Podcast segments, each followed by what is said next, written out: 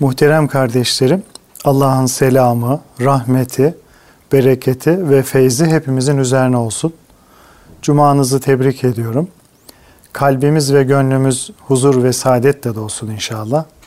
Sohbetimize teberrüken Peygamber Efendimizin, Ehli Beyt'in, Ashab-ı Kiram Hazaratı'nın ervah-ı tayyibelerine, Peygamberler silsilesinin aziz ruhlarına, Sadat-ı Kiram Hazaratı'nın ve şehitlerimizin ruhlarına, dinimizin, imanımızın, vatanımızın ve milletimizin muhafazasına, her türlü musibet ve iptiladan kurtulup selamet ve afiyete vesile olması dua ve niyazıyla bir Fatiha-i Şerife, üç İhlas-ı Şerif okuyalım.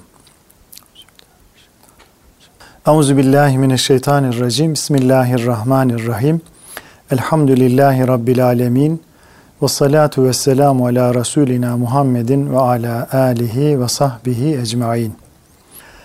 Bizlere saymaya güç yetiremeyeceğimiz nimetler bahşeden, tefekkür ve tahassüs yani duygulanma ve hislenme kabiliyetleri lütfederek marifetullah yolunu açan sonsuz kerem ve ihsan sahibi Rabbimize hamdü senalar olsun.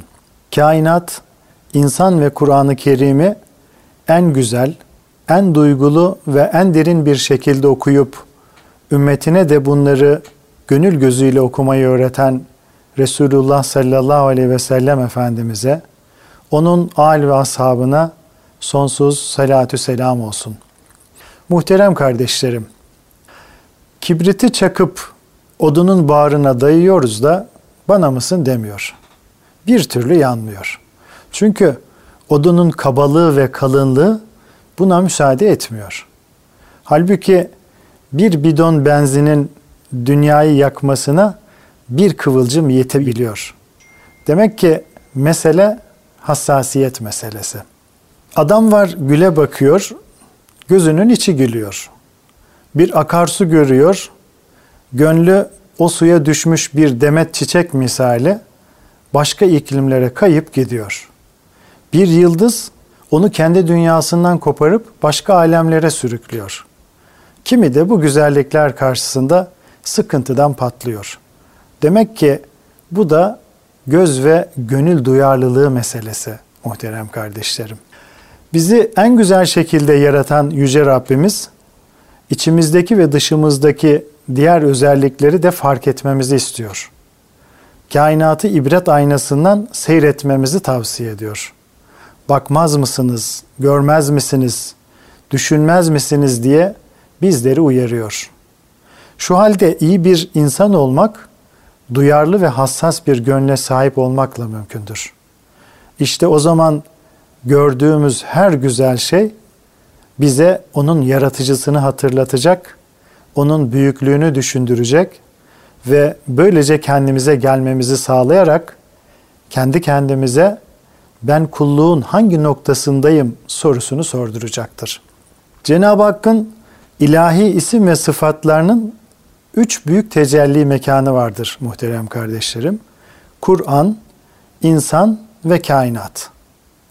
Rabbimiz bu üç tecelli mekanını inceden inceye tefekkür edip oradan hayatını aydınlatacak hakikat incilerini çıkarabilme kabiliyetini mahlukat içerisinde yalnızca insanlara kısmen de cinlere bahşetmiştir. Gerçekten tefekkür hakikate ulaşmanın ve kalbi hayata seviye kazandırmanın vazgeçilmez bir şartıdır. Kur'an-ı Kerim de ilk ayetinden son ayetine kadar her vesileyle bizleri tefekküre davet etmektedir muhterem kardeşlerim. İnsanın yaratılışındaki hikmetleri, kainattaki harikulade nizamı ve Allah'ın ayetlerini yani ilahi kudret nakışlarını, azamet tecellilerini ve Allah'ın kainatta mutlak olan hükümranlığını tefekkür etmemizi emretmektedir. Nitekim Cenab-ı Hak onlar deveye bakmazlar mı buyurarak e, mahlukata dikkat çekerken buluta, yağmura, dağlara, yeşil bitkilerin kışın ölüp baharda dirilmesine bakmazlar mı buyurarak da coğrafi hadiselere, geçmiş kavimlerin akıbetlerine bakmazlar mı buyurarak da tarihe dikkat çeker. Böylece biz kullarını her vesileyle tefekküre davet edip kainata hakim olan ilahi kanunları kavramamızı Cenab-ı Hak ister. Yüce Rabbimiz bizden ısrarla hem kendimizi hem tabiatı tefekkür etmemizi ister. Kur'an-ı Kerim'in yaklaşık 150 yerinde ilahi azamet ve kudret nakışlarını düşünmemizi emreder. Bunun için taakkül, tedebbür, tezekkür, tefekkür gibi mefhumları kullanır. Kainatta diri bir kalbe sahip insana Halık'ını yani yaratıcısını ve onun kudretini tanıtmayan hiçbir zerre yoktur muhterem kardeşlerim. Aslında kainattaki her şey ilahi azametin birer şahididir. Kainattaki ilahi kudret ve azamet tecellilerini layıkıyla gerektiği gibi tefekkür edebilen bir insan öncelikle aczini idrak eder. Sonra da tam bir teslimiyet ve itaat ile her nefes Rabbini zikir halinde olur. Böylece kalbi takva nuruyla dolar. Tefekkür de takva ile en makbul kıvama seviyeye ulaşır. Cenab-ı Hak katında insan dış görünüşü ve dünyevi imkanlarıyla değil, kalbi olgunluğu, mana derinliği ve salih amelleriyle bir kıymet ifade eder muhterem kardeşlerim. Ruhani yapısını geliştiremeyen bir insan nefsani hayatın ve süfli arzuların peşine takılıp kalır. Böylece tefekkür kabiliyetini gelgeç sevdaların peşinde yok eder, heba eder. Böyle bir insan artık hakka ve hayra yönelmek yerine daima fani vitrinlere saldırır. Nefsin heva ve heveslerinin esiri olmuş olur. O kefen bezinin bir gün mutlaka onu da saracağını ve ölüm gerçeğinin bütün fani zevklere ve lezzetlere son vereceğini hiç tefekkür etmez. Halbuki lezzetleri bıçak gibi kesen ölümü çok sık hatırlayın buyuran Resulullah Efendimiz e, bu hususu çok çok tefekkür edip e, düşünmemizi tavsiye buyuruyor.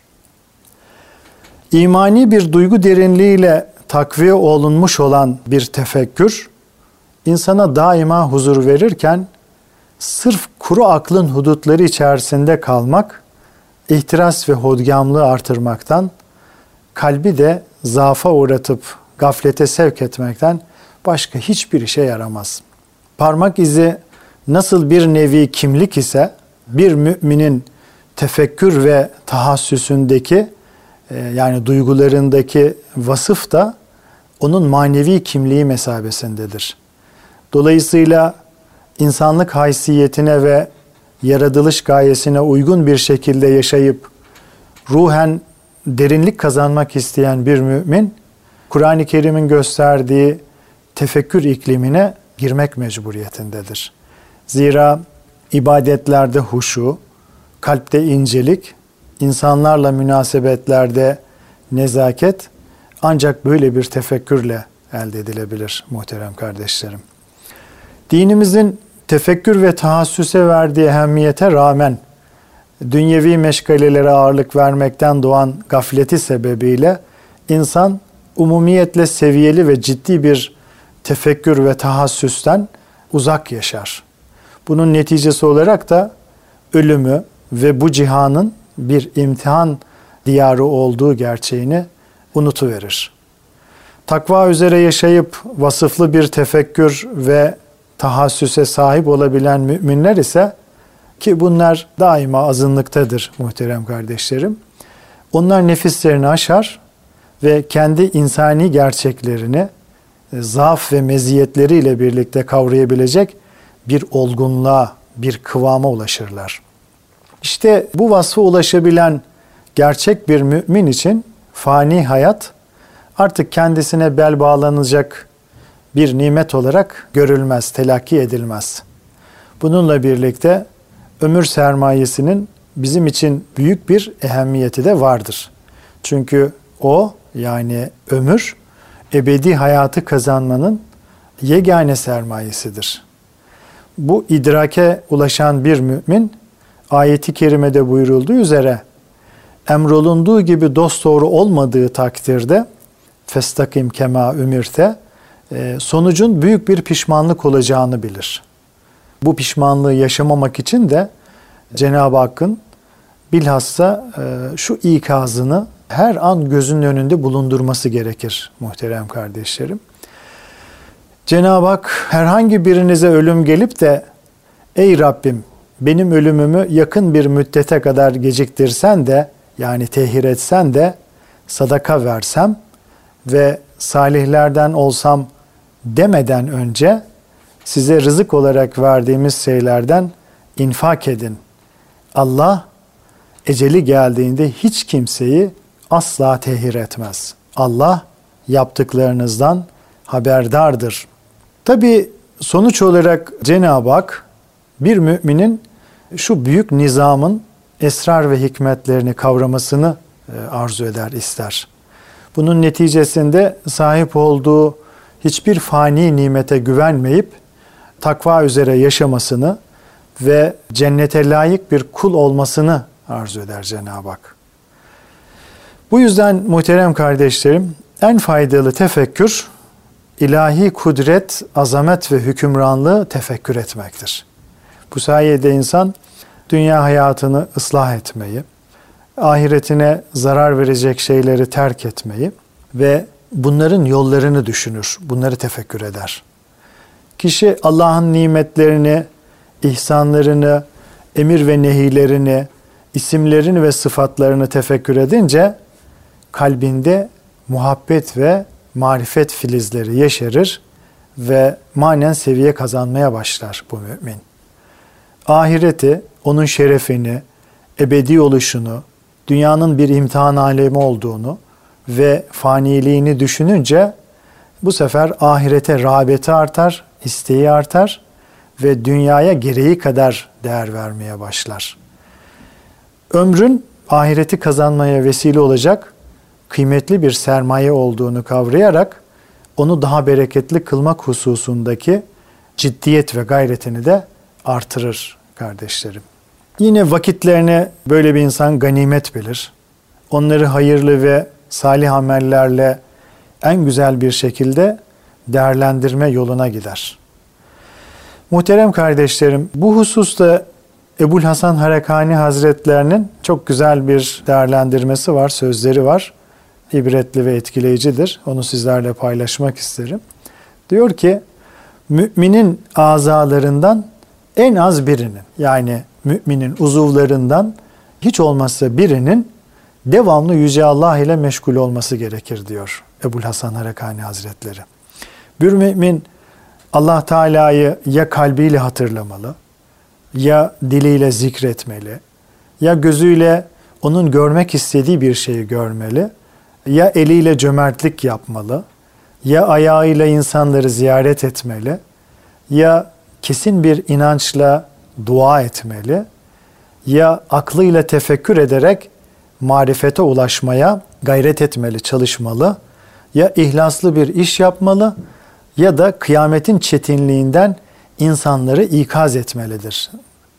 Böyle birinin kabirde başını kaldırır kaldırmaz kefenini sürüye sürüye cennete gideceğine ben kefilim diyor. Ben kefil olurum diyor. Evet kardeşlerim, hassas ve kamil bir gönle sahip olamamaktan şikayet ediyorsak şayet, onu biraz daha inceltmek, kaba yanlarını törpülemek, şu alemin bitip tükenmeyen güzelliklerinden nasip almasını sağlamak için her müşkilin çözümünde yegane modelimiz olan, rehberimiz olan Efendimiz sallallahu aleyhi ve selleme başvurmalıyız. Çareyi onun davranışlarında aramalıyız. Resulü Kibriya Efendimizin yeğeni Abdullah İbni Abbas'ın bir tespiti hadis-i şerifleri okurken çok dikkatli davranmamız gerektiğini bizlere hatırlatıyor muhterem kardeşlerim. Bazen teferruatmış gibi görünen bir hususun aslında e, ne kadar önemli olduğuna dikkatimizi çekiyor o hadis-i şerif. Hatırlanacağı üzere Fahri Cihan Efendimiz Rabbine kavuştuğu zaman yeğeni Abdullah İbni Abbas henüz 13 yaşındaydı. Ee, Nebi Muhterem sallallahu aleyhi ve sellemin hanımı zevcesi Hazreti Meymune validemiz Abdullah İbni Abbas'ın teyzesi olduğu için hane-i saadete e, rahatça girebiliyor. Hatta bazen e, bu saadet ocağında geceliyordu. Onlarla birlikte kalıyordu Efendimiz'de. Yine bir gün sadece ve sadece Resul-i Ekrem Efendimizin gece ibadetini öğrenmek maksadıyla teyzesine misafir oldu. Yani düşünebiliyor musunuz? Genç bir delikanlı, 13 yaşında bir yavru. Onun derdi Efendimizin gece ibadeti nasıldı? Bunu merak ediyor. Bu maksatla da e, Efendimiz'in evine, teyzesinin yanına misafir oluyor. Bir müddet sohbet ettikten sonra evdeki tek yastığın enine İbn Abbas, e, boyuna da Resulullah Efendimizle Meymune annemiz baş koyup yattılar. Yani evlerinde bir yastık var. Efendimizin, Meymune validemizin birlikte baş koydukları dikdörtgen gibi düşünürsek biraz uzun tarafında e, Efendimizle Meymune validemiz ama o kenar tarafında da Abdullah İbni Abbas'ın yattığını görüyoruz. Gece yarılanınca tabi bazı rivayetlerde gecenin son üçte biri kalınca diye geçiyor. Fahri Cihan Aleyhisselatu Vesselam Efendimiz uyandı. Ee, mübarek başını kaldırarak semaya baktı. O Arabistan gecesinin insana derin manevi duygular ilham eden manzarasına daldı ve bu haşmetli manzaraya pek uygun düşen Ali İmran suresinin inne fi halkis semavati vel art diye başlayan son 11 ayetini Peygamber Efendimiz okumaya başladı. Bu ayetlerin ilk beşinin mealini e, sizlere arz etmek istiyorum muhterem kardeşlerim. Bakınız bu ayeti kerimelerde neler dikkatimizi çekiyor. Göklerin ve yerin yaratılışında gece ile gündüzün birbiri ardınca gelip gidişlerinde akıllı kimseler için ibretler vardır. Hakikaten kardeşlerim gece ile gündüz diyoruz. Sıradan bir hadiseymiş gibi geçiyoruz ama hiç öyle değil. Bir gecenin yaratılması, bir gündüzün var edilmesi bunların ard ardına peş peşe hiç nizamı bozulmadan devam etmesi e, hakikaten tefekkür etmemiz, üzerinde derin derin düşünmemiz gereken büyük bir hadise. Diğer ayet-i kerimede onlar ayaktayken, otururken, yanları üzerine yatarken Allah'ı zikrederler. Göklerin, yerin yaratılışını düşünürler ve şöyle dua ederler. Rabbena ma halakte haza batila. Rabbimiz sen bunu boşuna yaratmadın. Sen bütün kusurlardan, bütün eksikliklerden münezzehsin, uzaksın. Bizi cehennem azabından koru. Rabbimiz sen kimi cehenneme koyarsan artık onu rezil etmiş olursun. Zalimlere yardım edecek kimse de yoktur. Rabbimiz Rabbinize iman edin diye çağıran bir davetçiyi duyduk, hemen iman ettik. Rabbimiz günahlarımızı bağışla, kötülüklerimizi ört, ruhumuzu iyilerle beraber al. Rabbimiz bize peygamberlerin vaat ettiklerini ver. Kıyamet günü bizi perişan etme. Şüphesiz sen vaadinden caymazsın. Geri kalan ayet-i kerimeleri de okuduktan sonra Efendimiz sallallahu aleyhi ve sellem kalktı, e, abdestini aldı, inci dişlerini misvakledi. Daha sonra 11 rekat namaz kıldı. Yani teheccüd namazı kıldı. Efendimiz'e teheccüd namazı biliyorsunuz farzdı. Ee, ve Efendimiz her gece teheccüd kılardı. Ayet-i kerimede de asa en yeb'aseke rabbuke makamen mahmuda buyuruluyor ayetin sonunda. Bu sayede umulur ki seni makamı mahmuda eriştirir buyuruyor Cenab-ı Hak. Ee, Efendimiz her gece teheccüd kılar, bizlere de tavsiye ederdi. Çok geçmeden Bilal Habeşi radıyallahu anh sabah ezanını okudu. Sabah namazının sünnetini kıldıktan sonra Efendimiz Hücre-i Saadet'ten çıktı ve onu bekleyen ashab-ı kirama sabah namazını kıldırdı. Demek oluyor ki muhterem kardeşlerim, yüreklerdeki pası temizlemek, onun etrafındaki kalın sisi dağıtmak ve böylece duyarlı bir gönle sahip olabilmek için sırlarla yüklü bazı vakitlerin feyz ve bereketinden faydalanmaya çalışmak lazımdır. Bu da özellikle seher vakitleri burada e, anılmalıdır muhterem kardeşlerim. Cenab-ı Hak vel müstafirine bil eshar buyuruyor. Onlar seherlerde istiğfar ederlerdi buyuruyor. Yani bizleri, müminleri tarif ediyor. Dolayısıyla o, o demler, o anlar çok feyizli ve kalbin istifade edeceği anlar olmuş oluyor. Fahri Cihan Efendimiz ruhlara huzur ve sükun veren, güzel manzarasıyla gönülleri büyüleyen veya tam aksine dehşetli manzaralarıyla gönüllere ürperti veren zamanlarda Yüce Rabbine çok yönelir. Ona duyduğu hayranlığı ve saygıyı coşkun ifadelerle dile getirirdi. Çünkü bu saatler biz duyup anlamasak bile kainattaki e, bütün varlıkların Cenab-ı Hakk'ı tesbih ettiği e, saatlerdi. Yunus Emre'nin dağlar ile taşlar ile çağırayım Mevlam seni, seherlerde kuşlar ile çağırayım Mevlam seni diye işaret ettiği zaman işte o zamanlardı. İşte o zamanlarda Şah Enbiya Efendimiz hiçbir gönle nasip olmayan bir coşkuyla e, Rabbine el açar, yalvarırdı. Muhterem kardeşlerim, teheccüd duası diye bildiğimiz hadis-i şerif üzerinde bizlerin de dikkatle düşünüp tefekkür etmesi gereken bir duadır. Eğer dikkatle düşünülüp tefekkür edilebilirse e, sanki bu coşkunluğun gözle görülür bir ifadesi olduğunu söyleyebiliriz. Bu duada Allahümme lekel hamd ente nurus semavati vel ard ve men fihinne ve lekel hamd ente kayyimus semavati vel ard diye devam eder bu dua muhterem kardeşlerim. Yani bu duada Cenab-ı Peygamber sallallahu aleyhi ve sellem Cenab-ı Hakk'a şöyle niyaz ederdi. Müminlerin de niyaz etmesini tavsiye ederdi. Ya Rabbi yalnız sana hamdolsun ki göklerin ve yerin nuru sensin.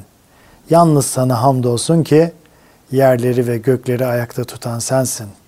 Yalnız sana hamdolsun ki yerlerin, göklerin ve içinde bulunanların Rabbi sensin. Sen haksın. Vaadin haktır. Sözün haktır. Sana kavuşmak haktır, gerçektir. Cennet haktır, cehennem haktır. Kıyamet haktır. Ya Rabbi, sana teslim oldum. Sana iman ettim. Sana güvendim. Sana tevekkül ettim. Sana sığındım. Yalnız sana güvenerek mücadele ediyorum. Senin hükmüne boyun eğdim. Gelmiş geçmiş, gizli açık bütün günahlarımı affet. Sen benim Rabbimsin. Senden başka ilah yoktur. Bu meşhur hadis-i şerif e, Sahih Müslim'de zikrediliyor, rivayet ediliyor kardeşlerim. Tabi bu yanık dualar, e, bu mana yüklü ifadeler ancak vahyin ışığıyla aydınlanmış pırıl pırıl bir gönülden akıp gelebilir. Günahlardan piru pak olan o seyyid kainatın sallallahu aleyhi ve sellemin bütün günahlarımı affet diye Allah'a niyaz etmesinin başlıca iki manası vardır. E, başka manaları da olabilir ama iki önemli manası vardır. Bunlardan biri Efendimiz kusursuz olmadığını ifade etmek suretiyle kulluğunu en çarpıcı şekilde ortaya koymaktadır. Yani abdiyete vurgu vardır, kulluğa vurgu vardır. Kusursuz olmadığını ifade etmek bu demektir. Halbuki onun günahı yoktur. Efendimizin gelmiş geçmiş günahlarının bağışlandığını Cenab-ı Hak buyuruyor. Günah dediyse Efendimizin e, yapılması evla olan şeyi yapmamaktan ibarettir. Bu ise hiçbir şekilde günah sayılmaz, günah değildir muhterem kardeşlerim. E, dolayısıyla burada Efendimizin kulluğunun, abdiyetinin vurgulandığını e, söyleyebiliriz. Efendimizin böyle dua etmesinin diğer bir sebebi de ümmetine nasıl dua ve niyaz edeceklerini öğretmektir muhterem kardeşlerim.